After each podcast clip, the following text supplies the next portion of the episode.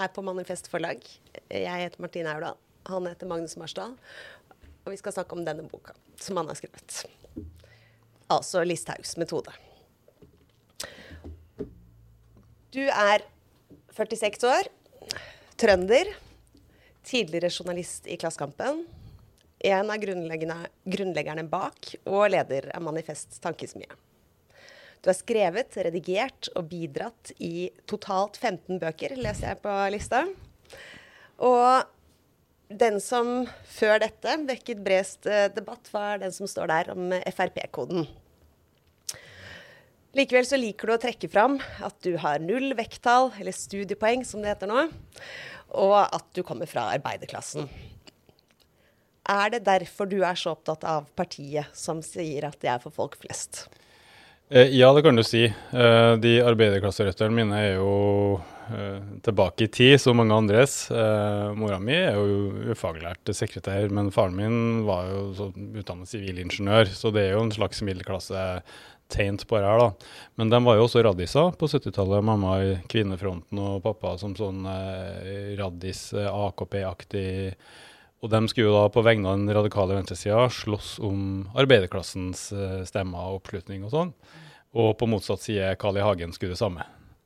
Eh, og så er det jo ikke noen hemmelighet at det var Carl I. Hagen som vant. Så jeg driver og hevner her, da. Finne ut hva, hva som skjedde. Eh, hvordan kunne den radikale venstresida gå seg bort og, og, da snakke masse om arbeiderklassen, men ikke få noe oppslutning der. Sånn at RV, som nå heter Rødt, hadde jo bare 1% og sånn. Uh, mens de Frp-erne, som, uh, som, våre folk da uh, tenkte var dum, lyktes veldig mye bedre. Og etter hvert fikk 22% i to stortingsvalg og hadde jo 36% på målingene. ikke bare blant arbeidsfolk, men, men arbeidsfolk var en viktig del av velgergrunnlaget. Så det er mye å hevne her da, for oss som kommer fra mer venstreorienterte familier. og ja, det går ikke så verst. Nå er jo Rødt og SV i hvert fall større enn Frp til sammen. Ja, bare, La oss tillate oss et par minutter også på det. fordi at Du sier at du trodde liksom at Frp-velgerne var dumme. Og det var jo litt det utgangspunktet Ja, eller at Carl I. Hagen da, var en litt kort, sånn enkel fyr, ikke sant. Ja. ja. Men hva var det du fant ut da du skrev Frp-koden? Nei, så Jeg har vel egentlig aldri tenkt på velgerne som noe dummere enn andre velgere, men den ideen om at uh, Frp-erne er sånn uh, kort på en sånn måte som vi har tenkt om Donald Trump, da. Ja, han kan rope noe skjellsord, men, men er noe inni hodet på han, liksom? Eh, så ser du jo Carl I. Hagen eksempel, er jo en strateg og en av de viktigste partiskaperne i norsk uh, nyere historie. Den mest vellykka partidannelsen etter andre verdenskrig. Um, Sylvi Listhaug er i stand til å dominere offentligheten totalt med sine nøye kalkulerte provokasjoner. Så skjønner jeg etter hvert at de, de er jo ikke akkurat dumme, de folkene her. da. Og de har jo utnytta det at venstresida, som ofte kommer fra universitetet osv., ser ned på dem, undervurderer dem eh, til sin fordel alltid. Ikke sant? De er alltid, og det samme som Donald Trump, kanskje George Bush. Eh, folk som liksom har på seg cowboyhatten og, og spiller mye enklere enn de er, og så vinner de valg. Det er ganske sånn, eh, og det går utover selvfølelsen til venstresida. Så venstresida bare fortsetter å tro at de er smartest. Samme hvor liten oppslutning de partiene har, så sitter man oppe på Humanistisk fakultet og tenker det er vi som skjønner noe her. Mm. Og apropos skjønne, da. For nå har du jo gitt deg i kast med Sylvi Listhaug. Og Listhaugs metode har undertittelen 'Håndbok mot høyrepopulismen'. Hvem er boka skrevet for?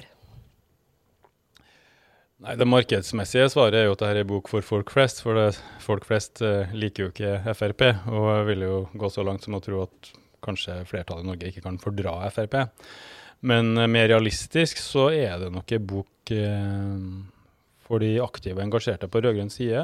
Altså typer som er opptatt av hva skal sentrum og venstre gjøre, da, stilt overfor den såkalte høyrepopulismen. Hvordan skal vi håndtere utspill som stigmatiserer minoriteter, når vi vet at Um, å gi Listhaug oppmerksomhet, akkurat det hun vil. Fordømme det, debattere det. Mens det å holde muren eh, blir jo også feil.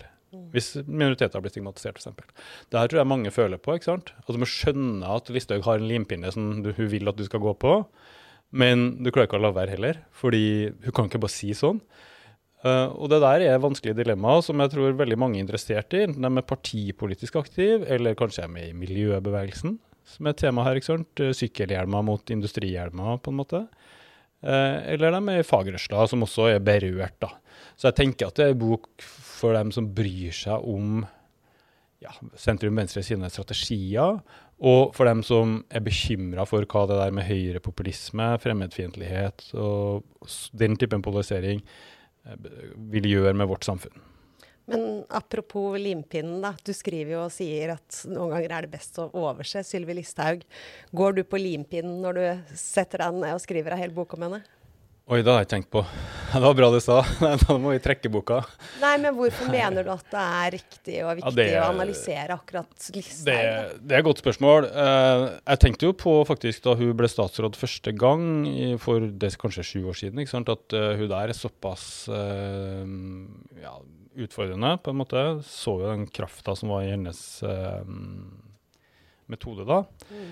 At vi burde ha skrevet bok om henne. Så jeg gikk og tenkte på det oppe i Manifestkonsernet en god stund, og så kom jeg til nei, vi, vi, har mye å gjøre, og bare ikke gi dama oppmerksomhet. Ikke hus opp hun der.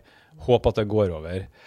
Nå har hun blitt valgt til leder i Fremskrittspartiet, og da tror jeg egentlig det toget er gått. Eh, hun har blitt en av de mest markante politikerne i Norge. Husk på da Se og Hør kåra Norges største kjendiser for fem år siden.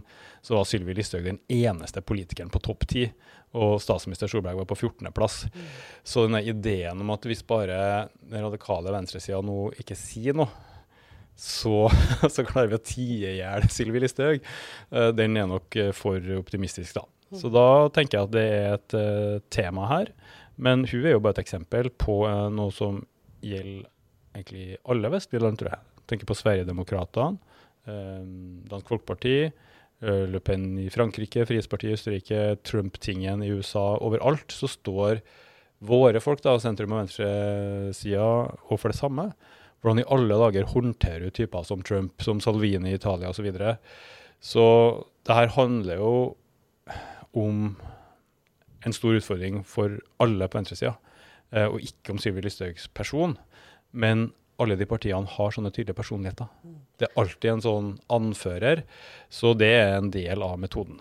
Vi skal komme tilbake til både uh, de sammenligningene med de europeiske partiene og mer av dette. Men aller først, altså, du skriver jo et helt kapittel egentlig om uh, Sylvi Listhaug som Jeanne d'Arc. Og hun er jo utsatt for, eller gjenstand for en slags personkult i uh, deler av tilhengerne hennes. Hva er det for noe? Ja, det er jo et internasjonalt trekk. En forsker som heter Ruth Wodak, som jeg bruker litt i den boka her, som peker på det at den karismatiske lederen i sånne partier, og med karismatisk så mener vi her en leder som i uh, tilhengernes øyne er opphøyd i kraft av noen helt unike egenskaper, sånn som en helgen, ikke sant. Uh, de karismatiske lederne der, de får ofte en hardcore tilhengerskare der støtten til partiets politikk glir over i en dyrking av lederens person. Det ser du veldig med Trump, du ser det med Salvini i Italia og med andre sånne ledere, at det finnes en sånn eh, drøm om en rettskaffen, handlekraftig, eh, ukorrumperbar, nådeløs, eh, hellig kriger som bare gjør det som må gjøres. Når Trump lova at han skulle 'drain the swamp', som han kalte det, eller eh, bygge den muren, eller så Du føler liksom at alle lover, alle lyver, det er bare kaos, eh, ingenting funker, eh, ingenting blir sånn som jeg vil. Eh, kan ikke bare noen med guts rydde opp? Og det er liksom den persondyrkelsen. da. Den egentlig udemokratiske drømmen om at en veldig sterk leder, eller en, kanskje en litt uvanlig nådeløs leder, skal fikse dette her. En sånn Lenin, ikke sant? En sånn Stalin, en sånn type. Og det der tror jeg er liksom i eh, den Jeanne d'Arc-tingen. Jeanne d'Arc var jo en bondejente 1400-tallet, tror jeg. Hun ble en folkehelt og sånn for sin krigsinnsats. Det var, jeg tror var Frankrike mot England som holdt på nede. Uh, og hun var liksom så kompromissløs, da. Altså Greta Thunberg er jo samme ulla. ikke sant? Uh, den der, hun bare tar ingen fanger. Det er bare helt sånn Greta Thunberg er en Jeanne d'Arc etter mitt syn. da. Mm. Og de folkene blir veldig omstridt, ikke sant. Fordi de, ja, de er jo litt autistiske, da. Altså de bare kjører rett på, ikke sant. Uh, og det har en enorm styrke i å, å liksom Du får den hengivne, tilbedende du liksom nesten legger livet ditt i skjebnen din i deres hender. da, at ja, men kom igjen, Sylvi. Bare, bare få ut de folkene. Bare bli kvitt han Jonas. Kan ikke du bare så det der mener jeg hun eh, spiller veldig bevisst på for de frikirkelige og andre velgergruppene. Når hun snakker om kampen mot det gode og det onde, når hun skriver i boka si om hvordan hun opplever at uh, hennes liv er skjebnebestemt. Hun sier at uh, jeg vet ikke hva framtida bringer, men det blir nok som det skal. Uh, hun føler at veldig mye i hennes liv har hatt en sånn bakenforliggende mening. Så hun og Trump er jo samme. Noen av de amerikanerne tror jo at han er Messias. ikke sant? Men nå sier du at hun tror det selv, men i boka så framstiller du det også som veldig mye kynisme.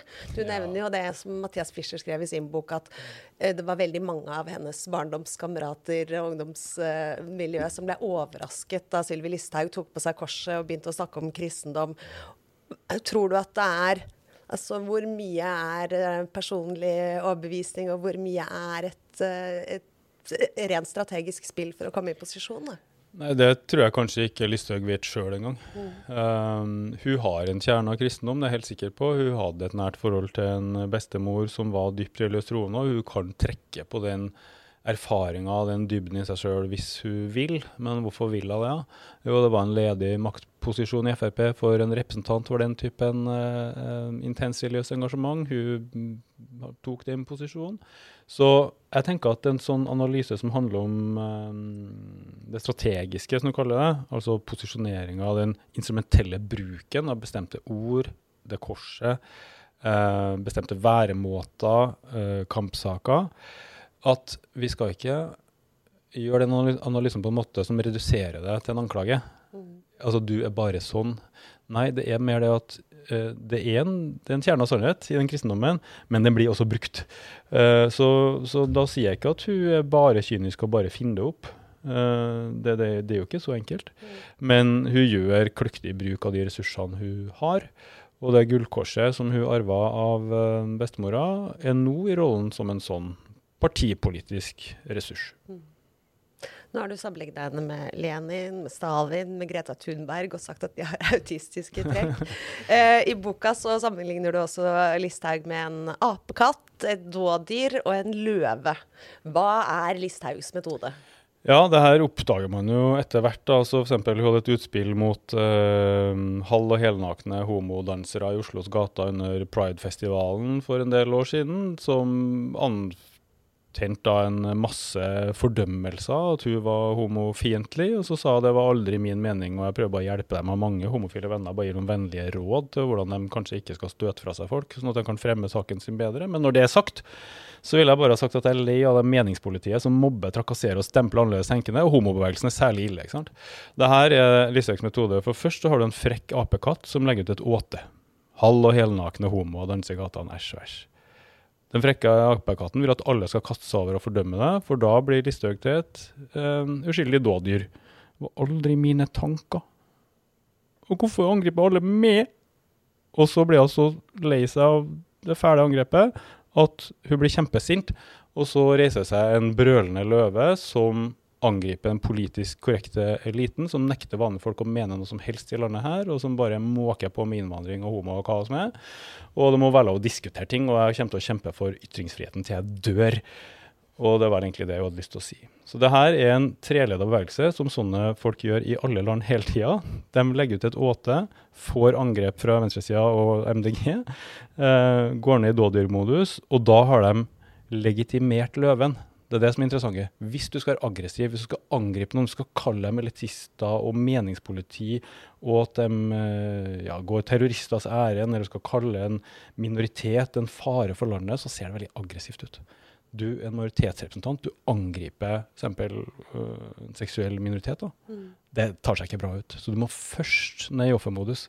Du må først være utsatt for et forferdelig angrep. For at, sånn er det i alles liv. Hvis noen begår en aggressiv eller voldelig handling, så ser vi helt annerledes på hvis det var i selvforsvar. Mm. Så det å komme seg ned i dådyrmodus, sånn at du legitimerer angrepet ditt som selvforsvar, det er metoden alle bruker. Og Sylvi er veldig god til det. Og har jo mange på venstresida også som hjelper til å spille av god, ved at de uh, gjerne vil paradere sin prektige moral da, hver gang noen har sagt noe uh, upassende om en minoritet, f.eks. Og, og så kanskje konkurrere da, mellom MDG, SV, Rødt ikke sant, om å være den beste på å hate Frp. Det er velgere hente på det. ikke sant?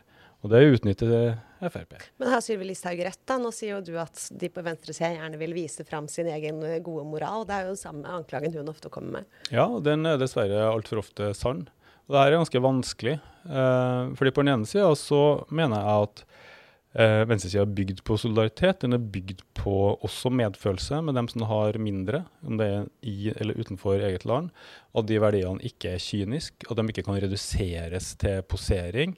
At det er en enorm forskjell på å være villig til å ofre litt for å ta imot flyktninger, og det å bare sitte egoistisk og stappe pengene i egen lomme. Det er en enorm moralsk og politisk forskjell. Det, så det der eh, mener at Sylvi Listhaug eh, er en fare for, når hun da reduserer alt det her til sånn godhetstyranni og sånn. Men på den andre sida så er det også sant at det har i alle år sittet mange velfødde hvite nordmenn i melkehvite bydeler og nabolag med grønn te og rosa drømmer om et flerkulturelt fellesskap som skal være helt uproblematisk på den andre sida av byen. ja. Og de, ikke, og de har kritthvite skoler sjøl, ikke sant. Uh, men de oser av fordømmelse overfor folk uh, i fattigere bydeler som sier at det finnes integreringsproblemer. Ikke sant? De, de uh, tar ingenting for å være fordomsfull mot de fordomsfulle. Eh, de tar ingenting for å, Sånn som Hillary Clinton. da, Hun mente at velgerne til Trump var en uh, bag of deplorables, altså en avskyelig bande med folk. ikke sant? Det der er, er helt riktig det, når, når, Frp sier at det er en masse folk som paraderer sin egen godhet helt uten omkostning, og som kanskje knapt ville ha godtatt noe integrering. og De vil ikke ha flyktningboliger i sitt nabolag. De kommer til å stå i fakkeltog. Med, så de, de, vil ikke ha det, men de vil gjerne liksom føle seg moralsk bedre enn andre. Det her finnes. Men vi skal ikke redusere venstresida til det. Det er det Frp vil. For at Frp vil ikke at det skal finnes forskjell på god og dårlig moral. De vil at alle skal være Sannheten skal være at alle er like kjip og egoistiske som dem. Og egentlig så er de de beste, for de er i hvert fall ærlige på det. Mens andre er bare sånn hyklere som later som de har stort hjerte for uh, de fattige og flyktningene og sånn. Uh, det der, Jeg tror ingenting på det der. Det er store moralske forskjeller. Uh, men det finnes også posering. Men hva skal man gjøre da? Eller hva gjør meningsmotstanderne som reagerer på Sylvi Listhaugs utspill, feil? Nei, Det her er jo kjempevanskelig, for det taktiske her og nå skal jeg stille meg opp. F.eks. noen gjorde at de stilte seg foran eh, Justisdepartementet da hun jobba der, og laga et hylekor. Fordi hun hadde snakka om at eh, kritikerne var et hylekor, og så stilte de seg opp og hylte utafor der. Mm. Og så er det vanskelig å si bør jeg gjøre det eller ikke. Jeg har én sånn rettesnor på det her, eh, det er følgende. Du skal gjøre det hvis du har funnet ut at det er konsekvensetisk riktig. Altså at konsekvensen av handlinga blir bra. Uh, men du skal ikke gjøre det hvis du egentlig bare vet at det er uh, sinnelagsetisk riktig. Sinnelagsetikk tenker jeg betyr at handlinga er god eller riktig fordi den er godt ment. Uh, F.eks. hvis uh, Stopp islamiseringen av Norge da, drar rundt med sitt show og sier stigmatiserende og grusomme ting om minoriteter, så føler jo jeg at det der må stoppes. Uh, jeg har lyst til å kaste stein og egg på dem, uh, og mener at de fortjener minst det. Så drar jeg og gjør det. Uh, og da sinnelagsetisk var det en god handling fordi det var godt ment. Jeg vil stoppe rasisme, og det er en god verdi. Men hvis konsekvensen da blir at de blir martyrer, blir offer for oppmerksomhet, for oppslutning, og at jeg blir bad guyen, og de tjener på det, så er konsekvensen dårlig. Altså Stikk imot det jeg ønsker å oppnå. Og da skal jeg ikke gjøre det. Men, men det som jeg tenker da, er at ofte så når folk er sinnelagsetisk motivert, da, og det er vi alle, men de, hvis den politiske bevisstheten ikke er høyere enn at de som stopper der, så føler de at hvis jeg bare nå stiller meg på å skjelle ut Sylvi Listhaug, så kan vel ikke være noe galt i det. Ja, det kommer helt an på konteksten og konsekvensene, mener jeg. Så man må tenke gjennom det. Uh, og Derfor så var jeg f.eks. for uh, et mistillitsforslag som kasta hun som justisminister, og var med og lobba det fram, skrev det, holdt på med det, fordi jeg mente når justisministeren sier at Stortingets flertall setter terroristenes rettigheter over nasjonssikkerhet fordi vi er uenige om en detalj i måten statsborgerskap kan endres på. ikke sant? Da har vi en justisminister som undergraver tilliten til alt og alle. Det er en, det er ligger en potensiell sånn forfølgelse av annerledes tenkende der, ikke sant? Fra, fra Justisdepartementets side. At vi skal henges ut som landssvikere fordi vi var uenige med Frp. Og vi snakka til Stortingets flertall. Da mener jeg konsekvensen av å la hun sitte er ikke grei. Så hun må gå for å statuere et eksempel og for å vise osv. Så, videre, så, så konsekvensetisk så mener jeg at hun måtte hives. Um, mens mange andre opplever jeg reagerer mer sånn sinnelagsetisk. Det blir sånn 'Å, jeg er så sint, så sint', da går jeg og sier eller gjør følgende. Så det er egentlig min sånn pekepinn. da. Sjekk konsekvensene før du handler. Ja, men det vet man jo ikke alltid. Og den måten å argumentere på, eller den diskusjonen om sinnelag og konsekvensetikk har jo først og fremst de siste åra blitt løfta i liksom kulturkrigen eller i, også i innvandringsdebatten. da. Er det bevisst at du bruker den samme argumentasjonen nå? Ja, hva tenker du på da?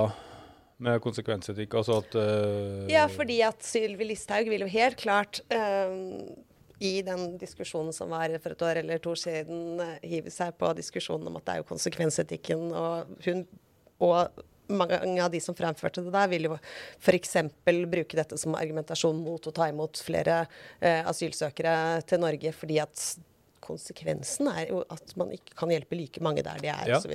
Nei, det, det skjønner jeg på, det er et godt spørsmål. Og jeg tenker at vi øh, må kunne gå inn i konsekvensdiskusjonen om noe sånt. Og hvis du ser for deg da, nærområdene til utfattige og krigsherja land, som skal ta imot store mengder flyktninger. og så Hvilken infrastruktur har de? Hvilke muligheter er det? Hvordan skal dette bli? Eh, osv. Så, videre. så vil du oppdage antageligvis enorme problemer og belastninger og byrder for de allerede fattige samfunnene med å håndtere det der. Så det, jeg tror ikke at det har så gode konsekvenser. Og at muligheten for å uh, ivareta mennesker på flukt eller asylsøkere sånn vil være mye større i et uh, lite befolka og rikt land som Norge f.eks. Så jeg mener at man må gå inn i konsekvensene, men det krever jo kunnskap og researche litt på det landet der. da. Mm. Og så mener jeg at sinnelagsetikken også har en rolle.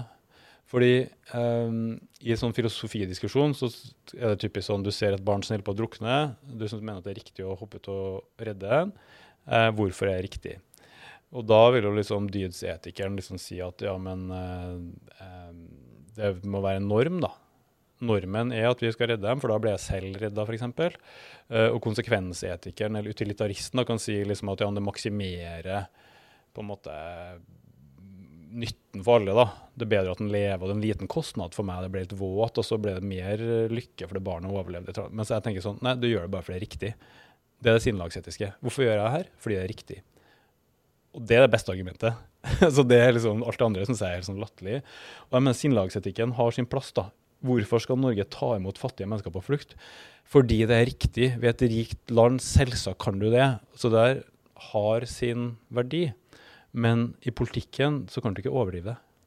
Så det, det, varer bare litt, og så resten er konsekvenser. Og da er det alt det vanskelige med hvor mange, og hvor skal en bo, og alt det her. ikke sant? Så jeg er ikke mot sinnelagsetikken, men jeg tror mange som driver med sånn kamp mot Sylvi Listhaug, egentlig nesten bare styrer etter den. Uh, og det er til hennes fordel. For da vil vi stille med dårlige argumenter, og det er det beste hun vet.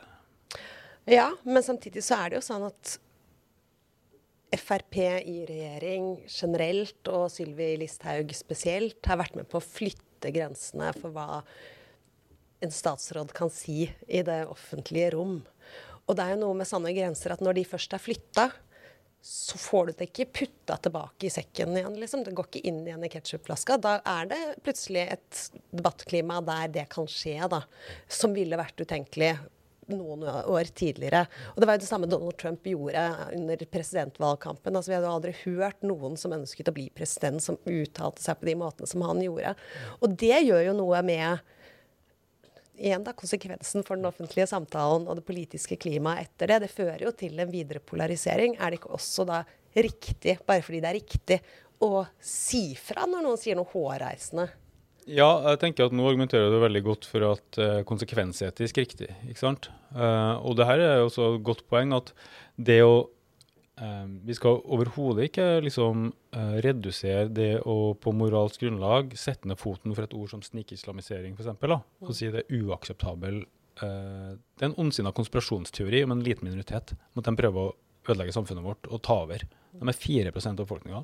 Det her skal vi ikke høre fra en partileder som Siv Jensen. Uh, vi skal ikke redusere det forsvaret for det menneskeverdet til noe sånn uh, følelsesstyrt, sinnelagsetisk, uh, idealistisk uh, liksom uverdig på en eller annen måte. Det er jo konsekvensen, akkurat som du peker på. Hva slags, hva slags, samfunn får du hvis ledende politikere kan stigmatisere en minoritet på en måte der? Hvilke premisser for eh, hva som er viktig i norsk politikk vil venstresida stå overfor hvis du demoniserer minoritetene på en måte der? Hvordan skal venstresida få fremma sine saker? Hvordan skal vi kunne stå opp for alles menneskeverd? Så jeg mener konsekvensene er det beste argumentet. Og Per Kristian Foss, daværende nestleder i Høyre, sa at, uh, at, her skal vi være forsiktige med en retorikk som minner om mellomkrigstidas stigmatisering av jøder. Uh, som var en veldig riktig påpekning, mener jeg. Dagbladet også støtta Foss på lederplass. Flere andre aviser, VG også, var tydelig mot det ordet. Men veldig mange var altså på andre sida. At liksom Siv Jensen må få lov til å si sånt uten å sammenlignes med Hitler. ikke sant? Mm. Uh, og der er det et eller annet som har skjedd da, med at den der toleransen for Frp-velgere, som jeg ivra for i Frp-koden, respekt for Grandiosa, hos noen bikka over en slags sånn toleranse for rasisme. da. Altså at De må jo få holde på med stigmatiseringa si, for det er jo Frp-erne er jo mennesker, dem òg. Mm. Men hvis du tar Siv Jensen på alvor som menneske, så sier du selvsagt imot når du mener at hun, hun fremmer en ondsinna konspirasjonsteori om en minoritet på 4 så ja, jeg tenker som så at uh, man kommer langt da, med å, å ha konsekvensetikken som rettesnor. Mm. Du var inne på i stad, du skriver om Listhaug som eksempel på en internasjonal metode og trend uh, blant høyrepopulister. Hvordan vil Frp utvikle seg under henne? Det er jo litt tidlig å si. Eh, foreløpig så har de jo brukt tida på å bredde ut. Hun snakker om eldre, hun snakker om eh, helse og sånne ting. Eh, men merk at hun hele tida vil ha flere eh, sykehjem og færre asylmottak. Så hun setter jo eh, velferdsstaten opp mot eh, minoriteter. Veldig målbevisst. Uh, og så er jeg ute etter å polarisere industrihjelmer mot sykkelhjelmer. Vestlandet, arbeidsplassene, oljenæringa, industrien mot, uh, mot Land Marieberg. Og kjøttfri tirsdag i kantina og sånn mot biff med bearnés og den tingen der. Så det og Sylvi Listhaug gjør alle sånne økonomiske store vanskelige spørsmål til kulturkrig. Mm. Hun gjør det til stolthet og skam og Arbeiderpartiets svik, og at Frp skal stolt stå sammen med de her stolte arbeiderne. Så hun prøver å gjøre om alt til en sånn eh, ja, culture wars. Uh, og så tror jeg at de bare venter på at uh, innvandring og integrering skal bli brennbart. Og hvis du ser på hennes um, rulleblad, hennes evne og vilje til å fyre opp sånne ting, men som den frekke apekatten, som alltid legger inn en tvetydighet. At du liksom Nei, det var ikke sånn jeg mente. Så hun får dramaet, men hun får ikke kostnaden.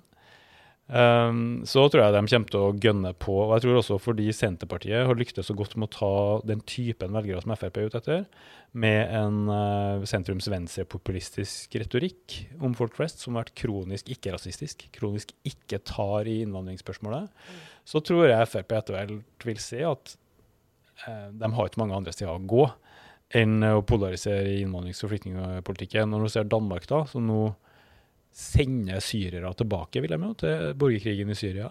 Uh, skal opprette asylmottak i Rwanda. Bruke bistandsmidler på å få fattige land til hus til fattige flyktninger. Altså ligger til høyre for Frp, en sosialdemokratisk regjering. Så er det klart at rommet for å diskutere um, høyreradikale løsninger i innvandrings- og integreringspolitikken er ganske stort. Uh, og når, noen sitter nå og tror at Sylvi Listhaug kanskje ikke har tenkt å ta det rommet, at hun kanskje har blitt uh, liksom, uh, litt sivilisert temma, at hun nå vil bare snakke om eldre og helse, så tenker jeg at det er ønsketenking. Mm. Du har jo et eget kapittel om, om, dette med Danmark, og det er noe av det du har fått kritikk for uh, i omtalen av boka så langt, både fra Eva Grinde i Dagens Næringsliv og Klassekampens redaktør Mari Skurdal i Morgenbladet. um, de mener uh, at du um, eller at det du skriver om Mette Fredriksen og dansk politikk er noe av det mest interessante med boka. Men Mari Skula sier også at du banaliserer inntrykket av den danske sosialdemokratiske regjeringen og, og gjør det for lettvint. At du sannsynligvis ikke har lest noen av bøkene av, som statsrådene har skrevet før de gikk i regjering, og at du misforstår en del. Uh, hva tenker du om den kritikken? Ja, eh, den danske regjeringa er jo et veldig interessant eksperiment fordi den har eh, lagt seg på Dansk Folkepartis eh, retorikk og politikk i innvandringsområdet, altså langt til høyre for Høyre og ofte til høyre for Frp. Statsministeren sier at ikke-vestlig innvandring er den største trusselen mot det danske samfunnet. og sånn, og Det er altså ikke Dansk Folkeparti, men Arbeiderpartiet i Danmark som, som sier det, om en minoritet på 8 og uh, de har lagt seg til høyre for alle europeiske stater, med å si syrerne skal ut, f.eks. Uh, til et, uh, jeg skal ikke gå inn på regimet i Syria, men uh, det er ikke et land som Danmark vil ha noe samarbeid med, for å si det sånn. Og Det er den ene sida av saken. Den andre er jo at de da har ført en venstreorientert retorikk en del økonomiske spørsmål. At de har laga en sliterpensjon, en slags ekstra AFP for slitne arbeidsfolk, som da vil nå etter hvert 0,8% av befolkninga. Det er jo noe, men ikke så mye. Mm. Og at de, som Skurdal påpeker, har skrevet interessante bøker. Og hun har også rett i at jeg ikke har lest alle dem. Men når jeg sier at den regjeringa har høyrepopulistiske islett, selv om det er en sosialdemokratisk regjering, så er det ikke at hele prosjektet er det. De fører ikke høyrepolitikk på økonomisk område, særlig ikke under pandemien. Uh, men jeg snakker om den retorikken mot minoritetene. minoriteter eh, venstrepopulisme, skal snakke om det, da, det er We are the 99 Det er en forenende fortelling der alle skal med, og der hudfarge, religion, ikke-vestlig, bla, bla, ikke spiller noen rolle. Det er svarte og hvite sammen mot de rike. Det er venstrepopulisme. Det Mette Fredriksen gjør, er at hun peker på innvandrergutter, og dem lager kvalm på T-banen om kvelden. Hun sier ikke ungdomsgjenger, hun sier innvandrergutter. Hun skal gi en sliterpensjon til en trauste danske arbeidsmann altså en identitetspolitisk retorikk som handler om menn, og de skal være dansk. Det har ingenting med klasseretorikk å gjøre. da. Og de peker ut det de kaller for ikke-vestlige innvandrere, som egentlig er en rasistisk term i seg selv. Ta hele verden utenfor Vesten og si at det er én ting. Hvis du gjør det, da er du ikke veldig opptatt av kulturfaktoren, altså at ulike kulturer spiller en rolle. Du er opptatt av å sette Vesten mot resten. Og det der er jo å skape splittelser i arbeiderklassen mentalt. det. Så Hun peker på bydeler med lav sysselsetting, og så sier hun der bor det mange ikke-vestlige som dessverre ikke bidrar med stort. Det her er høyrepopulismen splitt og hersk, etter mitt syn. Og det syns jeg det er viktig å si. Det er viktig å peke på det. At det her eh, ikke er å kjempe mot høyrepopulismen, men å overta den verdensbildet. Ikke i hele, men på det området vi snakker om, som er eh, integrering, flyktning, innvandringspolitikken. Eh, det er på det området jeg mener at det her er en høyrepopulistisk eh, tendens da, i en nominelt sosialdemokratisk regjering. Men sånn helt til slutt, Eva Grinde skriver jo i sin kommentar om boka Eller gir deg honnør egentlig for den tankerekken du dro her nå, og mener at det er interessant. Men hun spør i forlengelsen også om du mener at den delen av arbeiderklassen som er verdikonservativ, da, som er kritiske til eh, Skeptiske til homofile, til kvinnesak og til eh, flerkultur, handler de mot sine egne interesser, og lider de under en marxistisk falsk bevissthet? Ja, det der er veldig eh, gammeldags eh, spørsmål. Jeg vet ikke hvor gammel hun Grinde er. Men, eh, men, den der tanken om falsk bevissthet, altså i det begrepet så har jo alltid ordet bevissthet vært verst. da. Fordi folk sitter jo ikke og regner på interessene sine når de stemmer. Hvis man tenker endimensjonalt om politikk, så blir det vanskelig å forstå, tenker jeg. Men politikken har flere dimensjoner, og da må analysen ha det. Og når vi snakker om de velgerne her, altså lavere utdanna, uh, hvite, mest mannlige velgere i privat sektor, som kan gå til Dansk Folkeparti og Frp, så har de to motstridende, eller sånn to uh, distinkte trekk. Da. De er veldig venstreorientert hvis du spør om fordeling. De rike skal betale mer skatt. Og hvis du spør om ansatte skal ha mer makt, ja, det skal de. Så det er en sånn venstre-ting i som er fordeling av makt i økonomien. Og så er de høyreorientert på, på, innvandring og streng justispolitikk, strengere straff og sånn. Og i Frp sitt tilfelle så er det jo sånn at de eh, er uenige med partiet sitt om fordeling av makt. Det er ikke noe falsk bevissthet, det. men de, Frp er for mindre makt til fagbevegelsen, mindre skatt på riket. De arbeidervelgerne er motsatt. Men så kan Frp tilby dem noe annet. da. De kan tilby dem en verdipolitikk, en innvandringspolitikk, eh, andre ting de er opptatt av. Og jo mer valgkamper handler om det siste, jo mer har Frp mobiliseringskraft i de gruppene vi snakker om nå, for da er det det som blir viktig. da, du, da har du et innvandringsvalg.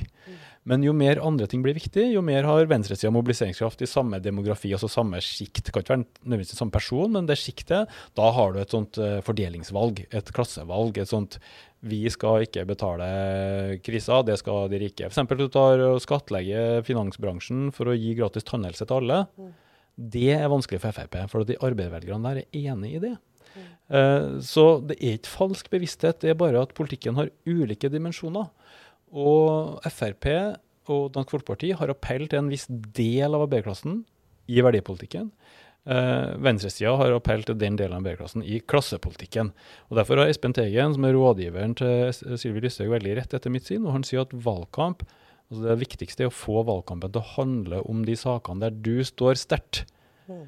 Og Sylvi Listhaugs store styrke er å få norsk politikk til å handle om innvandring og verdipolitisk polarisering. Og I går var Sylvi Listhaug på Politisk kvarter og forsøkte på akkurat det. Men så langt viser det eneste saksbarometeret jeg har sett uh, i denne, dette valgåret, at sosial ulikhet er det velgerne er aller mest opptatt av. Forrige gang var det innvandring.